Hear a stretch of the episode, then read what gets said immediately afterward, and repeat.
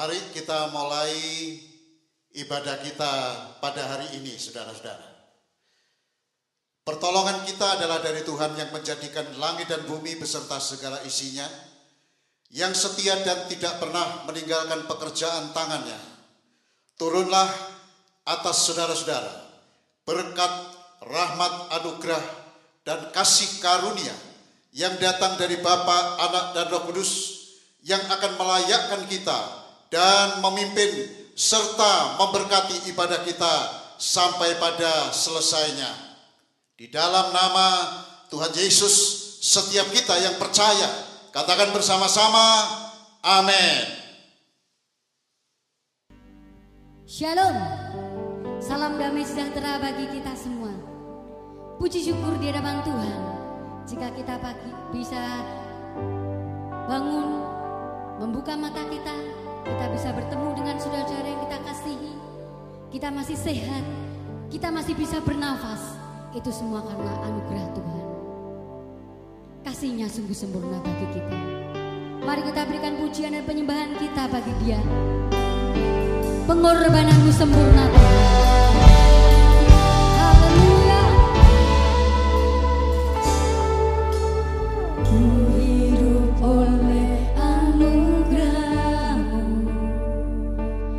Yang terbaik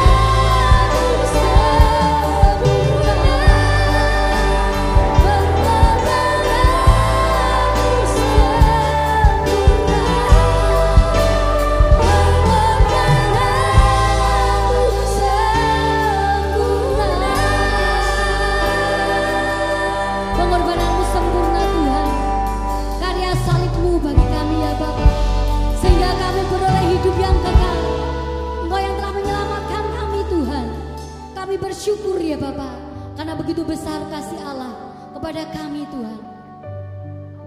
Terima kasih ya Bapak. Semua karena anugerahmu. Kami hidup juga karena anugerahmu Tuhan. Setiap napasan, napas tarik napas kami juga anugerahmu. Terima kasih Bapak. Syukur hanya bagimu ya Tuhan. Terpujilah Tuhan. Di dalam nama Yesus Kristus. Haleluya.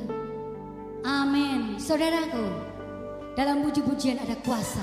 Karena itu perkatakan setiap kata demi kata dalam pujian itu dengan hati kita. Dengan iman percaya, maka semua itu akan terjadi dalam hidupmu. Amin. Aku diberkati. Yes.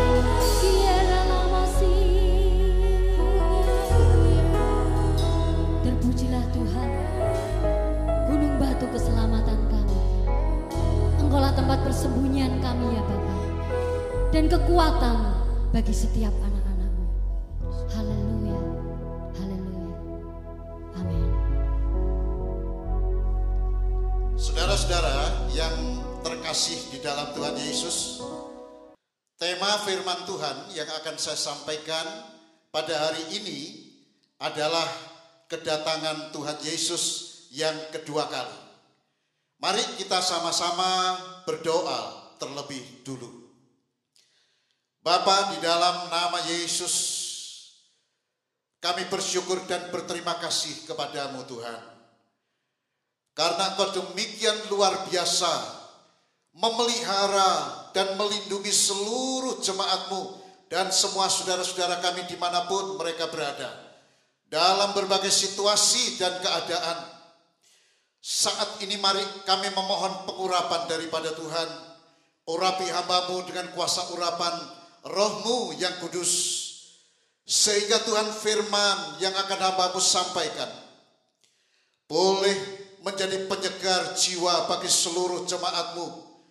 Mereka boleh dikuatkan iman mereka dan mereka juga boleh Tuhan menerima tuntunan untuk mereka dapat mempersiapkan diri dalam menyambut kedatangan Tuhan Yesus yang kedua kali. Terima kasih Bapak. Di dalam nama Tuhan Yesus Kristus setiap kita yang percaya katakan bersama-sama amin.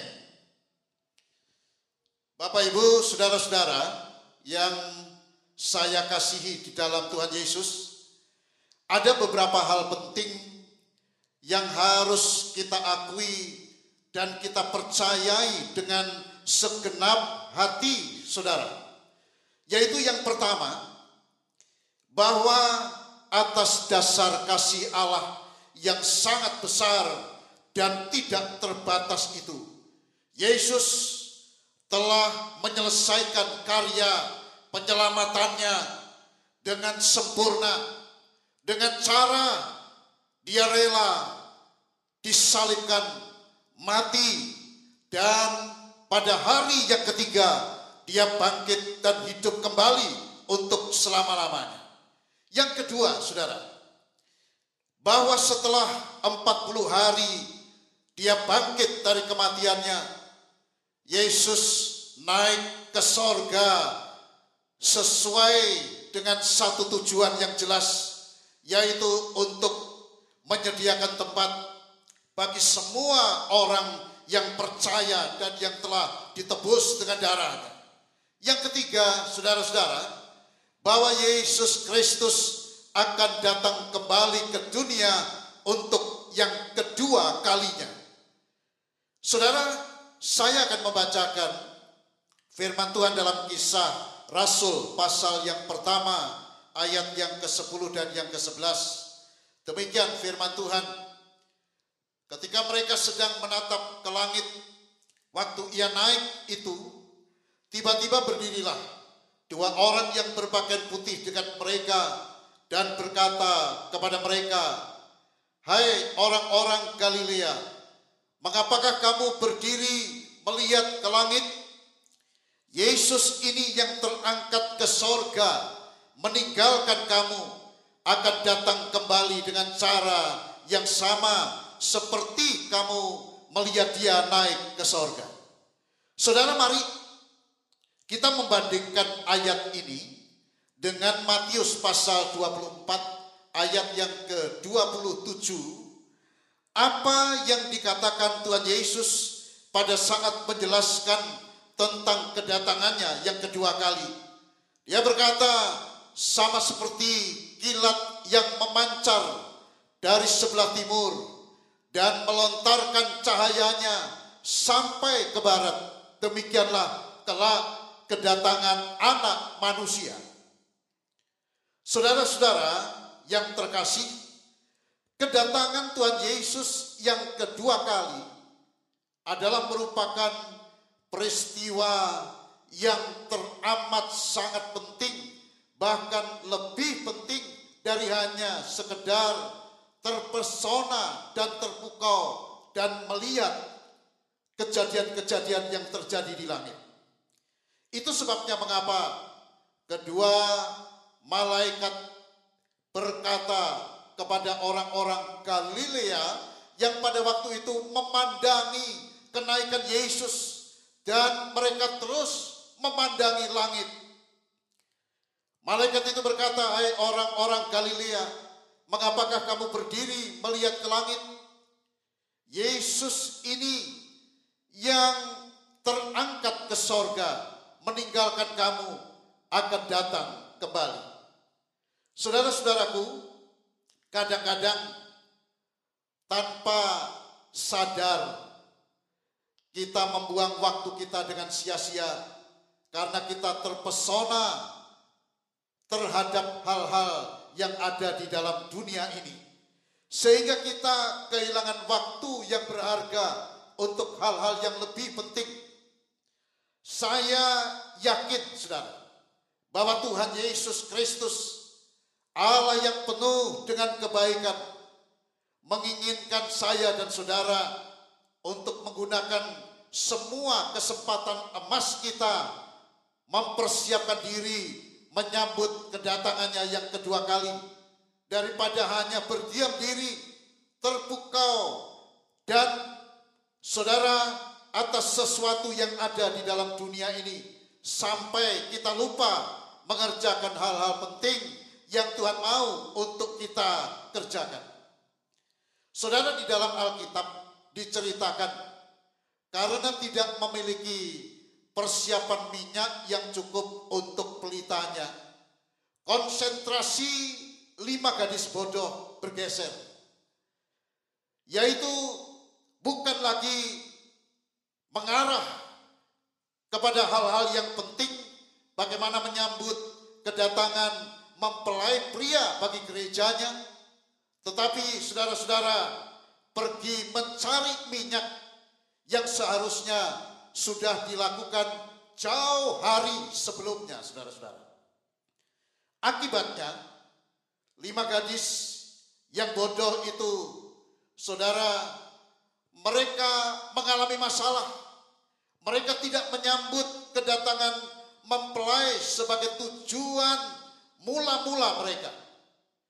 Tetapi mereka ditolak bahkan pada saat mereka hendak masuk ke dalam ruang perjamuan kawin itu. Di dalam Matius pasal yang ke-25 ayat yang ke-13 Tuhan Yesus berfirman, "Karena itu berjaga-jagalah, sebab kamu tidak tahu akan hari maupun akan saatnya." Nah, saudara-saudaraku yang terkasih di mana pun saudara berada, Kesempatan emas itu sering datang hanya sekali di dalam hidup kita. Nah, oleh karena itu, mulai dari sekarang, gunakan setiap kesempatan yang diberikan oleh Tuhan untuk mempersiapkan diri, menyambut hari kedatangan Yesus Kristus yang kedua kali sebagai mempelai pria bagi gerejanya. Saudara, jika kesempatan baik tidak kita gunakan dengan sebaik-baiknya, maka kesempatan baik itu akan digunakan oleh iblis dan roh jahat untuk merusak hidup kita dan untuk menggagalkan kita masuk ke dalam rencana Allah dalam Kristus Yesus. Nah, oleh karena itu, Bapak Ibu Saudara-saudara, Jangan berikan satu kesempatan pun kepada iblis untuk apa pun, baik bagi diri kita maupun bagi keluarga kita. Jangan biarkan iblis untuk campur tangan dalam pekerjaan kita, dalam perekonomian kita, dalam sakit kita, dan dalam pergumulan kita. Jangan sekali-kali berikan kesempatan itu kepadanya. Karena sekali kita memberi kesempatan kepadanya, maka dia akan melakukan tindakan-tindakan konyol dan yang fatal yang akan merusakkan kehidupan kita, ekonomi kita, keluarga kita, kebahagiaan kita dan lain sebagainya, Saudara. Apakah janji tentang kedatangan Tuhan itu sudah pasti terjadi? Saudara-saudara, untuk menjawab pertanyaan ini, mari kita lihat apa yang dikatakan firman Tuhan tentang janji-janjinya. Yang pertama, saudara, janji Tuhan itu adalah janji yang sepenuhnya dapat dipercaya.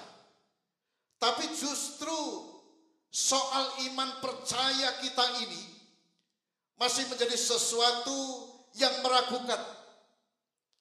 Suatu kali Tuhan Yesus menyampaikan firman-Nya yaitu sebagaimana yang ditulis di dalam Lukas pasal 18 ayat yang ke-7 dan yang ke-8 Saudara-saudara. Tidakkah Allah akan membenarkan orang-orang pilihannya yang siang malam berseru kepadanya?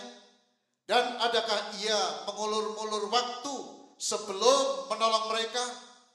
Aku berkata kepadamu, ia akan segera membenarkan mereka. Akan tetapi, jika anak manusia itu datang, adakah ia mendapati iman di bumi? Saudara, ayat ini merupakan ayat yang perlu kita cermati. Ayat ini menjelaskan tentang pentingnya iman orang-orang pilihan Tuhan saat menyambut kedatangan Tuhan yang kedua kali. Dalam ayat ini dijelaskan bahwa Tuhan menjamin dua hal bila kita orang-orang pilihannya tekun, berdoa, dan mengiring dia. Yang pertama, saudara, Tuhan Yesus menjamin dan melakukan restorasi, menjadikan orang-orang pilihannya itu sebagai orang benar dalam pemandangan Allah di dalam Kristus Yesus. Yang kedua, saudara, Tuhan Yesus memastikan tidak akan mengulur-ulur waktu apabila orang-orang pilihannya yang masih hidup di dalam dunia ini membutuhkan pertolongan. Tetapi dalam ayat ini, saudara-saudara, Tuhan Yesus juga mengkhawatirkan orang-orang pilihannya. Jangan-jangan pada saat kedatangannya tidak menjadi seperti yang Tuhan harapkan. Itu sebabnya mengapa Tuhan berkata, akan tetapi jika anak manusia itu datang, adakah ia mendapati iman di bumi? Saudara-saudaraku, oleh karena itu menumbuhkan iman adalah hal yang sangat serius dan mendesak pada hari-hari yang sudah semakin mendekat kepada hari kedatangannya yang kedua kali. Yang kedua, saudara, semua pernyataan yang dikeluarkan Yesus tentang apa yang akan terjadi pada dirinya itu terjadi dengan sangat sempurna. Contohnya, pernyataan Yesus tentang kematian dan kebangkitannya, saudara-saudara, adalah merupakan pernyataan yang digenapi, terjadi dengan sempurna kalau kita membaca di dalam Injil Lukas saja, saudara, pernyataan tentang kematian dan kebangkitan Tuhan Yesus minimal, minimal, saudara, disampaikan empat kali. Dituliskan dalam Lukas pasal 9 ayat 23, Lukas pasal 18 ayat yang ke-33, juga dituliskan dalam Lukas 24 ayat yang ke-7, dan Lukas 24 ayat yang ke-46. Apakah semuanya itu terjadi? Apa yang dinyatakan oleh Yesus tentang kematian dan kebangkitannya? Saudara-saudaraku, semuanya terjadi dengan sangat-sangat sempurna. Itu artinya kalau Yesus mengungkapkan atau menyatakan tentang hari kedatangannya yang kedua kali, tentu tidak perlu diragukan lagi. Yang ketiga, saudara, Alkitab mencatat bahwa semua janji Allah tidak mungkin dibatalkan. Ada orang yang beranggapan bahwa Tuhan lalai menepati janji tentang kedatangannya. Karena mereka berpikir sejak janji itu diucapkan pada awalnya sampai pada saat mereka hidup mereka belum mengalami dan melihat tentang kedatangan Tuhan yang kedua kali. Itu sebabnya mereka ada yang beranggapan bahwa Tuhan telah lalai dalam menepati janjinya. Saudara-saudara, tapi firman Tuhan di dalam 2 Petrus pasal yang ketiga ayat yang ke-9 di sana dituliskan Tuhan tidak lalai menepati janjinya sekalipun ada orang yang menganggapnya sebagai kelalaian. Tetapi ia sabar terhadap kamu karena ia menghendaki supaya jangan ada yang binasa melainkan supaya semua orang berbalik dan bertobat. Saudara, selanjutnya kedatangan Yesus yang kedua kali terbagi dalam dua tahap. Hal ini harus kita mengerti. Yang pertama adalah kedatangan Yesus yang kedua kali tahap yang pertama, saudara. Mungkin nanti pembicaraan kita hari ini hanya sampai pada poin kedatangan Yesus Kristus yang kedua kali tahap yang pertama. Saudara pada kedatangan Yesus yang kedua kali bagian yang pertama akan terjadi beberapa peristiwa. Peristiwa yang pertama terjadi adalah kita akan mendengar penghulu malaikat meniup sangkakalanya dan pada saat sangkakala itu berbunyi maka Yesus akan datang di awan-awan dan seluruh dunia akan dapat menyaksikan semuanya ini. Yang kedua, akan terjadi kebangkitan orang mati yang mati di dalam Tuhan. Dan mereka semua akan naik ke awan-awan bersama dengan Tuhan. Selanjutnya saudara, akan terjadi pengangkatan yang dikenal dengan istilah rapture. Saudara-saudara, orang beriman pada saat pengangkatan itu, mereka yang masih hidup akan diubah dalam sekejap mata. Diberi tubuh kemuliaan, lalu mereka akan terangkat naik menyongsong Tuhan di angkasa.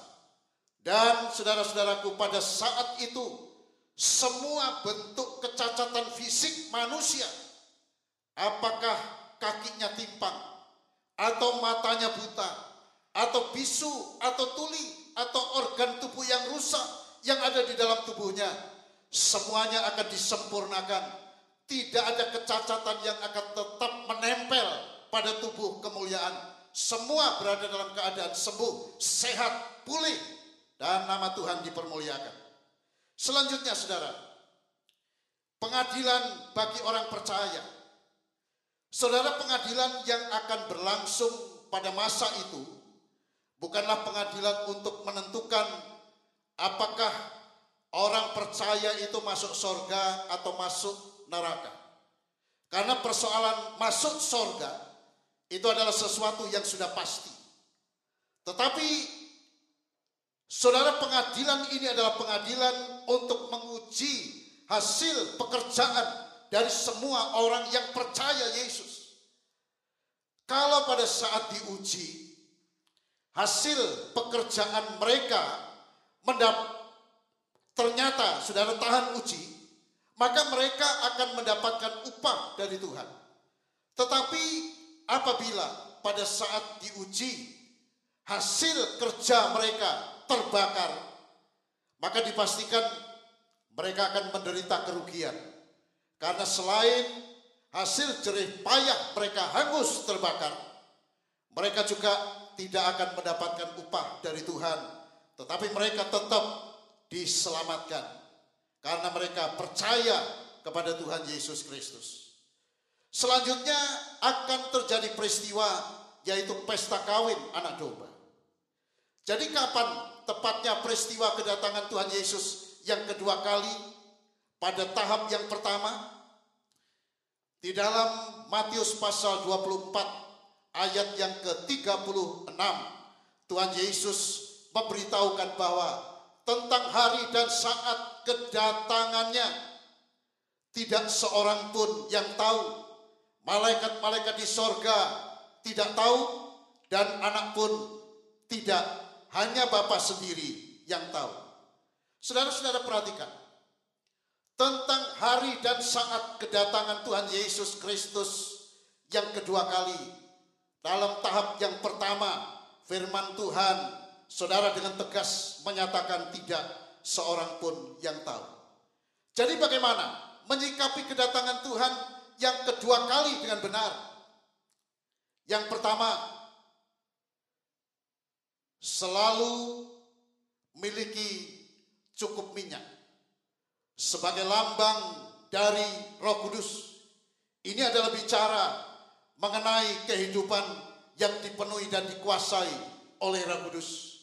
Jangan menjadi seperti lima gadis yang bodoh yang tidak menyiapkan minyaknya sehingga pada saat menjelang kedatangan Tuhan saudara mereka nyaris kehabisan minyak. Semua itu kita butuhkan supaya pelita hidup kita tetap menyala dengan terang pada saat menantikan kedatangan mempelai pria. Yang kedua, jaga agar iman dan pengharapan kita kepada Allah dalam Kristus Yesus tetap kokoh sampai kapan pun juga. Yang ketiga, yang terakhir yang saya sampaikan, jaga kekudusan hidup kita bagi Allah dalam Kristus Yesus. Saudara-saudara, Rasul Petrus dalam 2 Petrus 3 ayat yang ke-14 menasehatkan sebab itu saudara-saudara yang kekasih sambil menantikan semuanya ini kamu harus berusaha supaya kamu kedapatan tidak bercacat dan tidak bernoda di hadapannya dalam perdamaian dengan dia. Saya, saudara, sebelum berdoa, saya ingin mengajak saudara-saudara untuk menyanyikan sebuah lagu penyembahan kepada Allah. Saya mengajak saudara untuk kita naikkan pujian ini sebagai penyembahan dan doa kita kepadanya.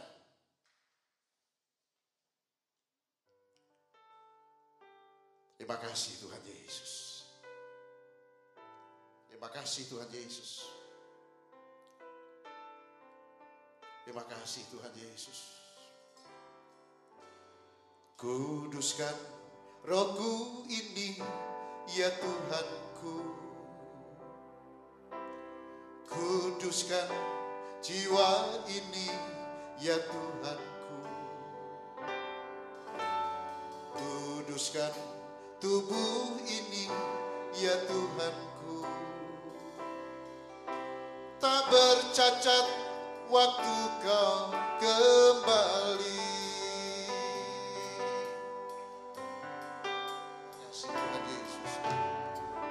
Kuduskan rohku ini ya Tuhanku. Kuduskan jiwa ini ya Tuhanku. Kuduskan tubuh ini ya Tuhanku. Tak bercacat waktu kau kembali Ku sembah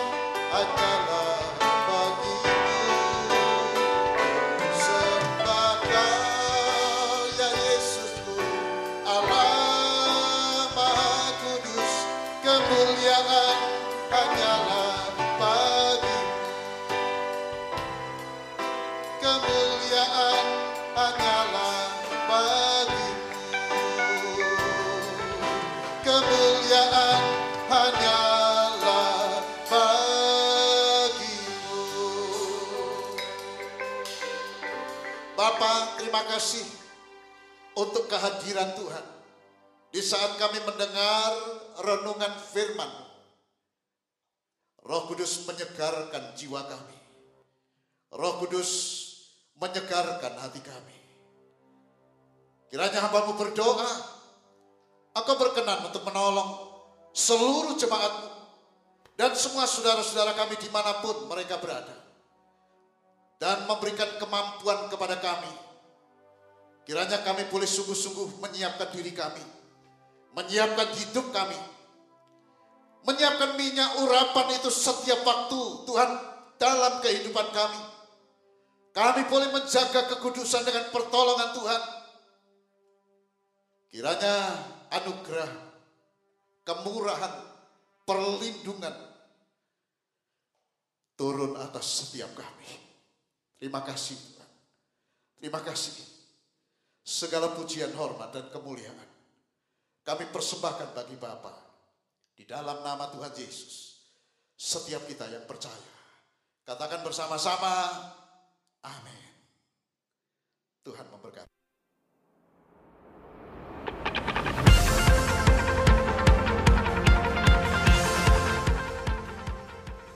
Saudara, sebelum kita mengakhiri ibadah kita hari ini, saya akan menyampaikan warta gereja untuk seluruh jemaat Gereja Isa Almasih Tanah Mas. Ada dua saudara yang dalam minggu ini berulang tahun. Yaitu yang pertama adalah Jessica Kusuma berulang tahun pada tanggal 10 Juni. Dan yang kedua adalah Bapak Ahed yang berulang tahun pada tanggal 14 Juni. Atas nama Gembala Majelis beserta seluruh keluarga besar Gereja Isa Masih Tanah Mas, maka kami mengucapkan selamat ulang tahun kepada Jessica dan Pak Aed. Kiranya berkat anugerah dan kemurahan Tuhan itu terus dicurahkan dalam kehidupan Jessica dan Pak Aed dan saudara-saudara boleh menjadi anak-anak Tuhan yang semakin cinta dan setia kepada Tuhan. Yang kedua, saudara, Jemaat dapat memberikan persembahan dan persepuluhan kepada gereja kami, yaitu melalui transfer ke rekening BCA nomor 0091 301 007 atau bagi Bapak Ibu Saudara-saudara jemaat yang akan memberikan persembahan langsung tunai bisa dibawa ke kantor gereja pada jam kantor ya. Dan di sana disediakan kotak persembahan yang terkunci dengan baik. Jadi tetap berada dalam keadaan yang aman. Dan yang ketiga pada minggu depan saudara gereja Isa Almasih Tanah Mas masih tetap akan melakukan ibadah online oleh karena itu kami harapkan dan kami himbau agar seluruh jemaat tetap bisa mengikuti ibadah online dengan baik dan dengan sungguh-sungguh. Baik saudara, mari kita bersama-sama akan mengakhiri ibadah kita. Bapak terima kasih untuk seluruh rangkaian ibadah. Dari awal sampai pada akhirnya. Tapi sebelumnya hambamu berdoa dan kami bersama-sama dengan seluruh jemaat berdoa untuk bangsa dan negara kami. Kiranya Engkau memberkati Tuhan para pemimpin kami. Mereka yang telah bekerja keras, mereka yang telah berjerih lelah, bahkan seluruh pahlawan-pahlawan yang selama ini terus berjuang untuk mengatasi masalah-masalah negara kami. Juga yang menolong untuk mengatasi masalah-masalah yang berhubungan dengan penyebaran COVID-19. Kami menyerahkan mereka semua ke dalam tanganmu Tuhan. mulai dari presiden sampai kepada para menteri, para kepala-kepala daerah, dan seluruh pejabat-pejabat, serta seluruh aparatur negara, dari aparat keamanan sampai kepada pahlawan kesehatan yang terus menjagai seluruh rakyat dan menolong seluruh rakyat yang sakit. Kiranya engkau memberkati mereka dan keluarga mereka. Dan mari Bapak, engkau tetap menolong bangsa dan negara kami. Pulihkan bangsa kami dari keterpurukan ekonomi. Aku akan terus memberkati sehingga seluruh wilayah negeri kami akan menjadi negeri yang diberkati Para pemimpin kami akan menjadi pemimpin yang diberkati. Para kepala daerah akan menjadi kepala daerah yang diberkati. Dan seluruh rakyat akan menjadi rakyat yang diberkati. Mereka yang berada di kota, mereka yang berada di desa, di daerah terpencil atau di mana pun mereka berada. Bahkan Tuhan seluruh warga negara Indonesia yang berada di luar negeri. Kiranya juga engkau akan terus memberkati dan menolong mereka semua. Terima kasih Bapak, terima kasih. Sekarang saudara-saudaraku yang kekasih, mari angkat hatimu dan kedangkan kedua tanganmu. Sebab Tuhan berfirman, Tuhan memberkati engkau dan melindungi engkau. Tuhan menyinari engkau dengan wajahnya dan memberi engkau kasih karunia. Tuhan menghadapkan wajahnya kepadamu dan memberi engkau damai sejahtera di dalam nama Tuhan Yesus. Setiap kita yang percaya, katakan bersama-sama, amin. Sampai jumpa, Tuhan memberkati saudara.